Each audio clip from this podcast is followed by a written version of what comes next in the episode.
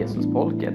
Förra veckan så kunde ni höra början på ett väldigt spännande samtal som jag hade med IT-pastorn Lars Gunther om fundamentalism och liberalteologi. Dessa begrepp som vi är väldigt bra på att klistra på varandra och ganska dåliga på att förstå vad det egentligen är.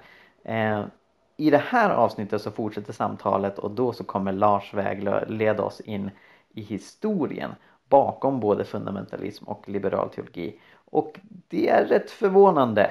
Eh, det som de här rörelserna har stått för historiskt är absolut inte samma sak som de vanligtvis står för idag. Eh, så jag tror att det här kan vara väldigt vägledande och hjälpsamt för oss i att också försöka komma bort från det väldigt eh, onödiga och skadliga vänster-höger paradigmet som råder i vår kultur. Så här kommer fortsättningen av mitt samtal med Lars Gunther. Vi ska ta också då en lite mer noggrann titt på eh, historien bakom både liberal teologi och fundamentalism. Eh, du nämnde tidigare Lars att under 1800-talet så, så, kunde man tala om liberal teologi i ordets egentliga mening. Eh, och det är också något som jag har förstått på senare tid att akademiker i synnerhet, när de pratar om liberal teologi så är det mer av en historisk rörelse snarare än någon som finns idag. Eh, och du även på, jag tror det är ditt senaste blogginlägg på IT-pastorn, grävt djupare i liberalteologins rötter och du går så långt tillbaka som till och med på 1600-talet och naturlig teologi. Så skulle du kunna förklara lite grann hur ja. den här rörelsen uppstod från första början? Det, det är naturligtvis alltid en säga, svår fråga att veta hur man ska avgränsa men alltså, i princip kan jag säga att de flesta brukar säga från Schleiermacher i början av 1800-talet till Karl Barth 1920-talet när han kom ut med Das Römer Brief, sin Romarbrevskommentar. Det, det är så att säga liberalteologins tid och Barth dödar liberalteologin. Ungefär så tänker akademiska teologer väldigt ofta. Eh, vilket är lite småironiskt för många av eh, böcker jag läste när jag växte upp som kom så att säga från Francis Schaeffer och, några andra. De menar att Karl Barth var liberal teolog. Mm. Alltså akademiska teologer menar att liberalteologin dog med Barth. Så det här är naturligtvis, alltså vi måste börja med att göra någon slags form av definition. Vad är det vi menar? Eh, och när jag pratar om liberalteologi då, då utgår jag från en amerikansk teolog som heter Roger E. Olson. Och han säger liberalteologi är den teologi som teologiskt program och med flit anpassar teologins innehåll till modernitetens tänkande och upplysningens idéer. Och då börjar det inte med Schleiermacher. Om du gör den definitionen så börjar det med teologer som från 1600 och 1700-talet börjar eh, ta bort allt det övernaturliga ur Bibeln. Jag tar exempel på min blogg med Thomas Jefferson som också blir president i USA, alltså den Thomas Jefferson. Mm. Som helt sonika tar sin bibel och, och, så tar han liksom ett rakblad va? och så skär han bort, det ska inte vara med och det ska inte vara med, sida för sida. Och sen har han klippt ihop det här och, och så, det här är ju före datorerna kunde ta cut and paste. Va? Och, och så gör han helt sonika en, en bibelutgåva med det som är kvar. Och han är väldigt ärlig och öppen med att Hans urvalskriterier är att allt som är övernaturligt, som talar om profetisk inspiration, mirakler, det ska bort. Och kvar har vi då en Gud som skapar världen och ett moraliskt program. Hur vi ska leva så att säga. Och, och det här är och förblir säga, den viktigaste impulsen genom liberalteologin även om utformningen kommer se väldigt annorlunda ut i olika tider. Eh, och eh, den kommer förfinas och förgrenas på olika sätt. Men själva idén att vi tar bort allt som stöter sig med ett slags upplysningstänkande. Eh, och då ska vi säga, säga, samtidigt säga att det blir väldigt lätt för dem att göra det. För vad som har hänt under samma period det är att vi har den lutherska ortodoxin och den kalvinska ortodoxin med, med eh, teologer i Tyskland som Gerhard som är lutheran eller eh, Franciscus Turretinus som är det latinska namnet, Francesco Turretini, Eller Francis Tartan, som engelsmännen säger. Han används en hel del av många namn. Ja, precis. Eh, William Lane Craig hänvisar ganska så ofta till honom när han pratar om försoningen. Det är Turretin. Alltså en slags eh, nej, fransk engelskt uttal. Eh, alltså, som ser Bibeln som så till den milda grad dikterad av Gud att det finns ingen som helst utrymme för att se mänsklig temperament ens i texterna. Och då får du problem när Paulus Galater skriver att de borde skära bort alltihop. Dessa som förkunnar denna vidriga sönderskärelse. Alltså det här är ju Paulus personliga frustration som går upp i, i dagen på ett väldigt tydligt sätt. Men om du har en bild av Bibeln som alltigenom dikterad av Gud. Lite som Koranen ungefär. Ja, lite som i allra högsta grad så, jag, mm. så blir det ju omöjligt att på något vis börja, men vänta lite, nu ser jag mänskliga drag i det här. Nu ser jag att det faktiskt finns eh, likheter mellan eh, urhistorien i Genesis och eh, babyloniska och sumeriska skapelsemyter. Sådana likheter borde ju inte finnas i det här första sättet att se på det. Och då händer det som så ofta händer när man har väldigt rigida teologiska system, de faller samman som korthus. Alltså jag menar att den, den lutherska och kalvinska ortodoxin på 1600 och 1700-talet den hade formulerat ett så stelbent sätt att se på Bibeln att den klarade inte av att bemöta när det började komma folk som säger men vänta lite här, det finns faktiskt en historisk bakgrund till texterna. Och återigen så hamnar man då i de här ytterligheterna. Mm. Och är framme på 1800-talet så har vi då en, en genomarbetad utvecklad bibelkritik. Eh, och, det här skrämmer ju en del för att då säger folk saker som att eh, gå tillbaka till urhistorien. Den är inte bara så att den rör sig i samma kulturella miljö som Enuma Elish eller Gilgamesh-eposet. Utan att den är så att säga ett slags blekt återsken. Judarna kommer till fångenskap till Babylon och där får de höra Babyloniens skapelsemyter och så gör de en slags kopia av det där och tar med sig hem. Ingen inspiration från Gud alls i detta. Eh, är det det man hör, då tänker man, men då, då är ju verkligen liberalteologin motsatsen till tro på Bibelns inspiration. Och så kommer fundamentalismen på nytt och reagerar och säger nej, vi betonar att det är Guds ord, att det är inspirerat. Så till den milda grad att det är svårt att se att det faktiskt kan vara lite både och. Eh, och här finns det två säga, ytterligheter. Alltså du har King James Only fundamentalismen då, som är liksom extremfallet. Och du har en, en mer eh, nyanserad fundamentalism, skulle jag säga. Alltså en, en lärd fundamentalism som utgår från Princeton eh, som var så att säga den stora reformerta bastionen i USA på 1800-talet med extremt lärda teologer som ändå formulerar en slags intellektuellt redbar fundamentalism. Man är inte överens med dem allt de säger. Men tyvärr så tycker jag arvet från Princeton lever bara liksom i en delmängd någonstans i skymundan och eh, den eh, mer eh, pang på rödbetan eh, onyanserade fundamentalismen har fått ta över ganska mycket, åtminstone i vulgärdebatten. Mm. Precis, och jag tänker vi snart ska titta lite närmare på fundamentalismen. Men ja. om vi håller oss kvar till liberalteologin.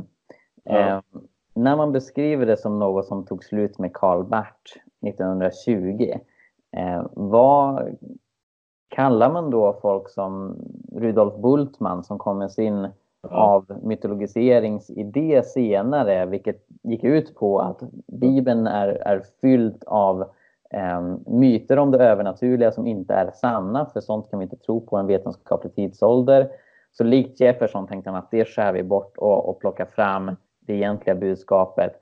Och så har vi folk som John Shelby Spong som fortfarande är aktiv, lever och är verksam i USA.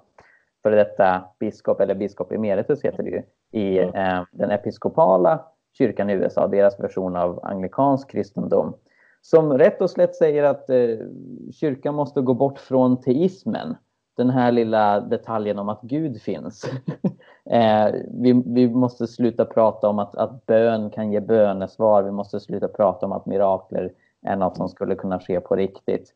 Eh, så om, om det inte är liberal teologi, vad är det då? Och hur ser de strömningar som har kommit från 1800-talets liberal teologi ut idag? Finns det någon mångfald där? Nej, men det är precis det här jag menar. Alltså det är problemet med att säga att liberalteologin dör 1920. Du, du, du nämnde själv du, Bultman som det mest kända exemplet. Eh, alltså, man kan säga att eh, teologi står ju nästan alltid på två ben. Så att säga. Du har den systematiska teologin eh, där du har Spång och du har den exegetiska teologin där du har Buttman. Eh, som, som är, är den som gräver i bibeltexterna. Eh, och, och, du har Jesus-seminariet med, med Dominic Crossen och Marcus Borg och andra som eh, gör en oerhört liberal teologisk gestaltning av den historiska Jesus. Utifrån ett antal givna preferenser när det gäller världsbild och, och återigen anpassning till, till moderniteten och upplysningen. Så det är naturligtvis helt barockt att säga att liberalteologin har dött ut 1920. Det som däremot har hänt det är att den har fått en, en, mängd olika underströmmar och delansikten och att den är inte så enhetlig längre. Eh, det finns så en, en uppenbar liberal typ teologi. Spång är ju naturligtvis det kanske mest kända och tydliga exemplet. Han är en klassisk liberal teolog. Eh, men, men, men du har andra som är väldigt mycket mer säga, svåra att, eh, vad ska vi, vad ska vi placera om vi, om vi tar till exempel då Bart. Alltså som till exempel då återupplivar idén om treenigheten gör väldigt mycket runt treenigheten och säger att det är kristenhetens, eller kristen tros stora idé. Medan den 1800-talets liberalteologi menar ju att, att treenighetsläran det var en slags, eh, ja, för att använda sig av Harnacks tes igen då, alltså en verk av den grekiska anden på evangeliets mark. När han pratar om hur dogmen utvecklades under 200-300-talet så menar han att det är ett avsteg ifrån vad som egentligen är den ursprungliga kristna tron som fanns hos Jesus och apostlarna. Och, och det ser du likadant i väldigt många sammanhang idag så talas människor som jag upplever som har säga, en, en annan teologisk hållning än vad jag har, de pratar jättemycket om treenighetsläran idag. Mm. Och Jürgen Moltmann då som börjar lite grann sin bana som, som lärjunge till Bart. Eh, alltså hans stora verk Treenigheten och Guds rike den är så på ena sidan så läser den här och tänker det här är bland det bästa jag har läst. Det är så bra så att jag lite glädjedans när jag läser. Va? Och så bläddrar jag en sida och så tänker jag bara vad är detta för skit? alltså, och han han kan ibland uttrycka sig på ett sätt som får en evangelikal bibeltrolig kristen att känna på att det här är så bra på sida så kan det kännas som att det här är liberalteologiskt skräp. Så vad är han? Är han bibeltroende eller är han inte? Men ibland så tänker jag så här. Det finns en liknelse av Jesus. Man hade två söner och så säger fadern till de här sönerna jag vet du ska göra det här. Nu återberättar han på minnet. Och det var länge sedan predikade den texten så jag kanske inte kommer ihåg den exakt. Eh, och den ena säger ja, det ska jag göra, men han gör det inte. Och den andra säger Nej, jag gör det inte. Men så går han och gör det. Mm. Och ibland så tänker jag så här att en del personer som kallar sig för liberalteologer kan ändå ha en oerhörd respekt för bibelordet. Så ta en liten historia. När jag började min pastorsutbildning 1990 så hade jag en annan person i klassen, han hette Arne. Och Arne och jag, vi var de två som utan tvekan hade läst mest innan vi började utbildningen. Vi hade läst både böcker och Bibeln och så här. Och han och jag, vi, vi hade mycket diskussioner och han kallade sig själv för liberalteolog. Och jag kallar mig för bibeltroende. Och det har hänt en gång i hela mitt liv att jag har hänvisat till bibeltext och gjort en snabb förklaring av vad texten betyder och den personen jag pratar med har ångrat sig och ändrat uppfattning under pågående samtal. Det krävs ju ganska mycket för att man ska göra det, men man, man kan gå hem och fundera lite och så kommer man tillbaka två veckor senare. Ja, du hade kanske rätt va? Mm. Men under pågående samtal och vända på en femöring och det gjorde Arne. Mm. Vi hade vad diskussionen gällde, men så tar fram en bibeltext och så sa men det står ju så här. Arne, det här har du missat. Och han då som har gått in i diskussionen och sagt att eh, vi måste läsa Bibeln som ett samtidsdokument och vi behöver liksom tänka så mycket på att den är inspirerad och så vidare. Han läser här och säger ja, det står ju faktiskt så. Ja, det står ju faktiskt så. Jag kan inte komma förbi att det står så. Och så går han i fem minuter och bara upprepar det för sig själv. Och så byter han åsikt. Mm.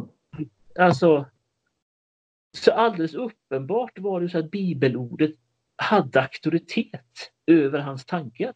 När han mm. såg att det han tänkte inte stämde med Bibeln så ändrade han på sin uppfattning. Mm. Och, och återigen, det, det är inte schablonbilden av en liberalteolog som framkommer i det ögonblicket. Snarare tvärtom. Eh, och, och, och menar, den respekten för bibelordet önskar jag att vi alla hade. Ja, Men det kräver att man är beredd att ifrågasätta vad man redan tycker och tror om dess tolkningar. Ja, mm. Nej, men precis, precis. Mm. Och jag tror också att eh, fler samtal mellan evangelikala och de som inte anser sig vara det, de som ofta hamnar i liberalteologiska facket, är något som, som är väldigt bra. Och jag tror den ekumeniska rörelsen i Sverige har möjliggjort det på många sätt. Ehm, jag tycker att det är en annan retorik från folk i till exempel Svenska kyrkan som jag har betraktat som väldigt liberalteologiska idag jämfört med bara 10-15 år sedan. Um, inte minst när det gäller mirakler. Jag tycker det är en mycket större öppenhet för det och det tror jag bland annat beror på ekumeniken och att man liksom um, ja, men inte lika Bultmansk längre. Uh, och, och, det är väldigt spännande. Uh, men jag tycker vi ska uh, avsluta med att även ta en lite närmare titt på fundamentalismen. och i ditt blogginlägg Fatta fundamentalismens faser, översikt och första fasen. Eh, så säger ja. du att eh, man kan tänka sig sju faser av fundamentalism. Prefundamentalism, ja. paleofundamentalism och så vidare och så vidare.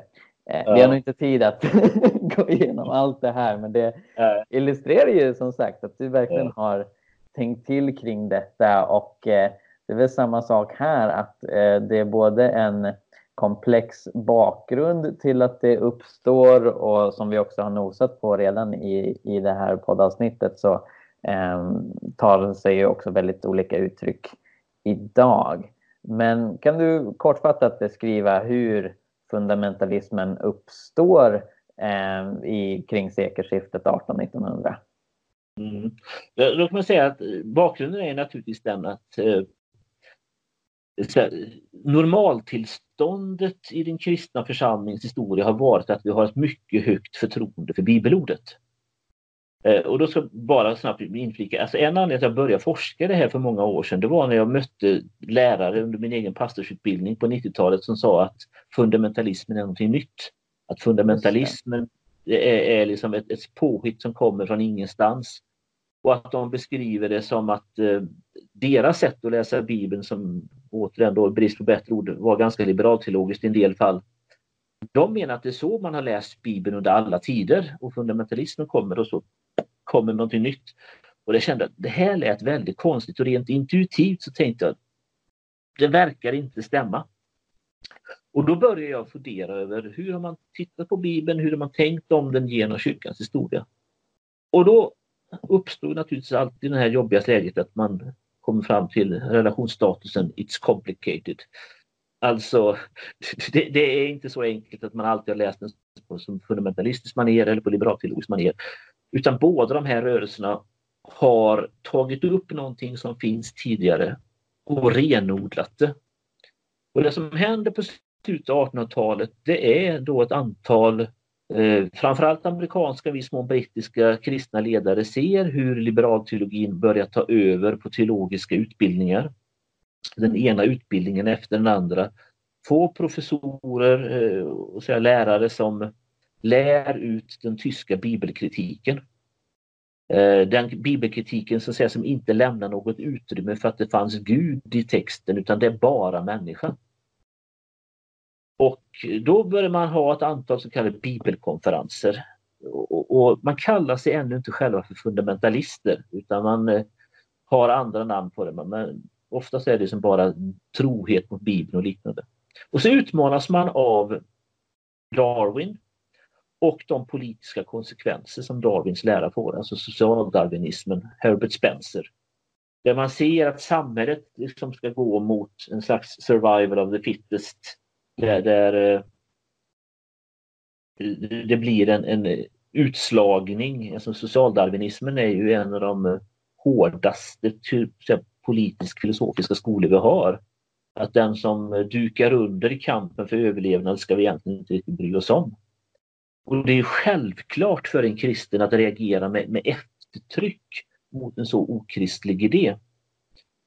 Eh, och ett flertal av de som är ledande biologer och utvecklar evolutionsläran också tror på aktiv dödshjälp, på det vi kallar för rashygien idag, alltså eugenik. Eh, att eh, somliga personer ska inte få föra sina gener vidare.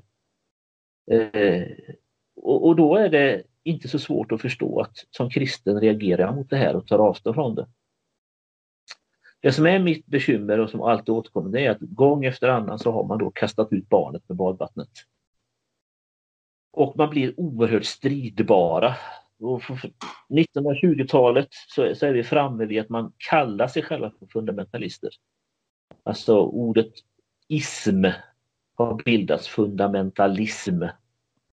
Eh, och, och, någon som strider för Bibelns sanning, det är en fundamentalist.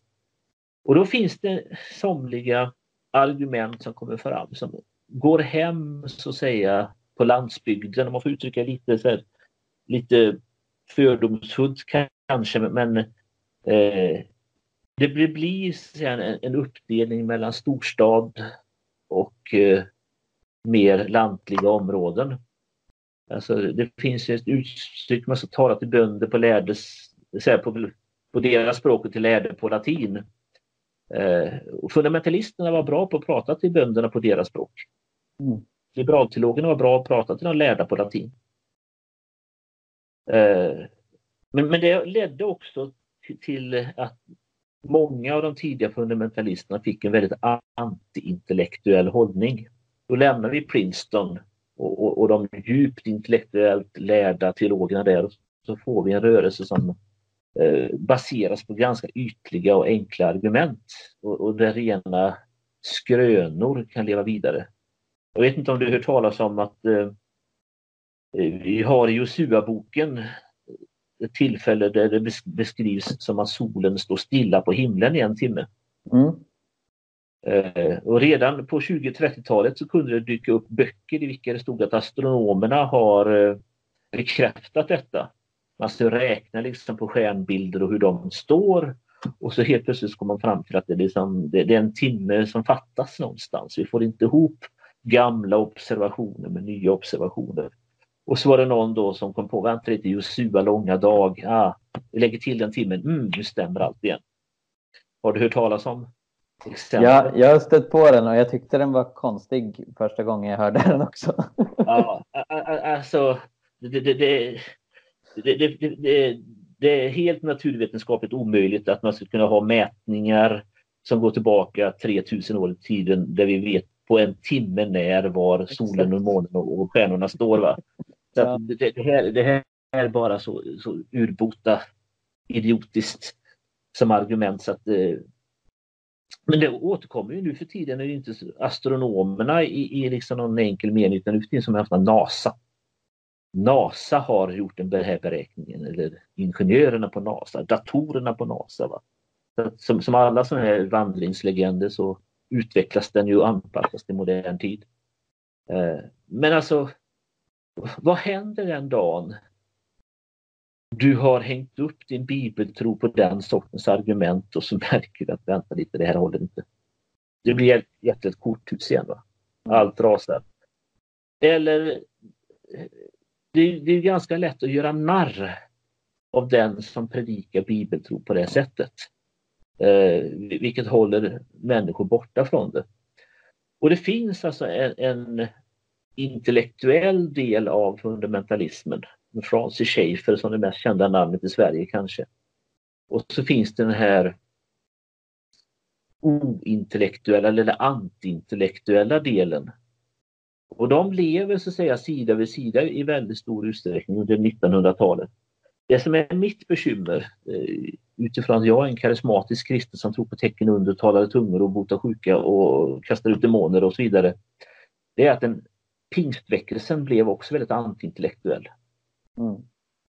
Och det innebär att ofta så blir det en, en symbios eller en syntes mellan den antiintellektuella fundamentalismen och den antiintellektuella karismatiken.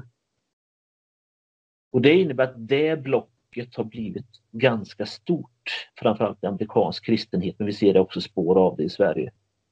Eh, och, och, det är kanske det viktigaste att säga om fundamentalism kapitalismens vidare utveckling från 1800-talets slut fram till idag. Och det är därför som jag ser den renodlade fundamentalismen som väldigt farlig och det spår som den får in i, i väckelsekristendomen eh, ser jag som skadlig och det är därför jag engagerat mig i den här frågan. Mm. Lars, jag har tusen frågor och tankar till. Men eh, jag tänker att vi ska avrunda för den här gången. Eh, ja. Och eh, återkomma till detta eh, framöver. För det, ja, men det, det, finns mycket mer att, att, att utforska här. Eh, ja. Och, och uppskattar verkligen som sagt den tid du har lagt ner på, på att eh, gräva i historien bakom de här rörelserna. Tusen tack för ja, jag, jag bara, nu ser jag kameran. Den är däråt. Ja, precis. På itpastorn.nu. Ja, världens bästa reklam. Det där kommer ju successivt fler och fler eh, inlägg att komma. De tar en stund mina artiklar att skriva. Eh, så att det är inte så att jag bloggar varje dag utan det kan det har väldigt mycket att göra med hur mycket tid jag får över beroende på annat som händer i livet. Precis. Ja. Det är fullt ja. förståeligt. Ja, nej men verkligen. Stort tack Lars. Ja, stort tack. Och, Gott till dig. Ja, absolut. Och tack till alla som har lyssnat.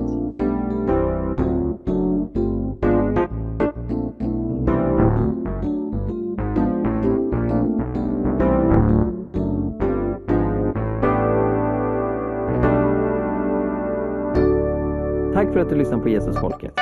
Om du vill höra mer så se till att prenumerera på iTunes eller valfri podcastapp. Glöm inte heller att lämna en recension. Det är en väldigt liten grej att göra som hjälper oss väldigt, väldigt mycket. Kolla in vår blogg, Hela Pingsten. Där finns det mängder med artiklar, videor och annat material om Guds rike, lärjungaskap, fred, rättvisa, evangelisation, Andens gåvor och mycket mer. Och se till också att följa oss på Facebook, både Jesusfolket och Hela Pingsten har sidor där. Gud välsigne dig och fortsätt att fördjupa dig i vad det innebär att vara en del av Jesusfolket.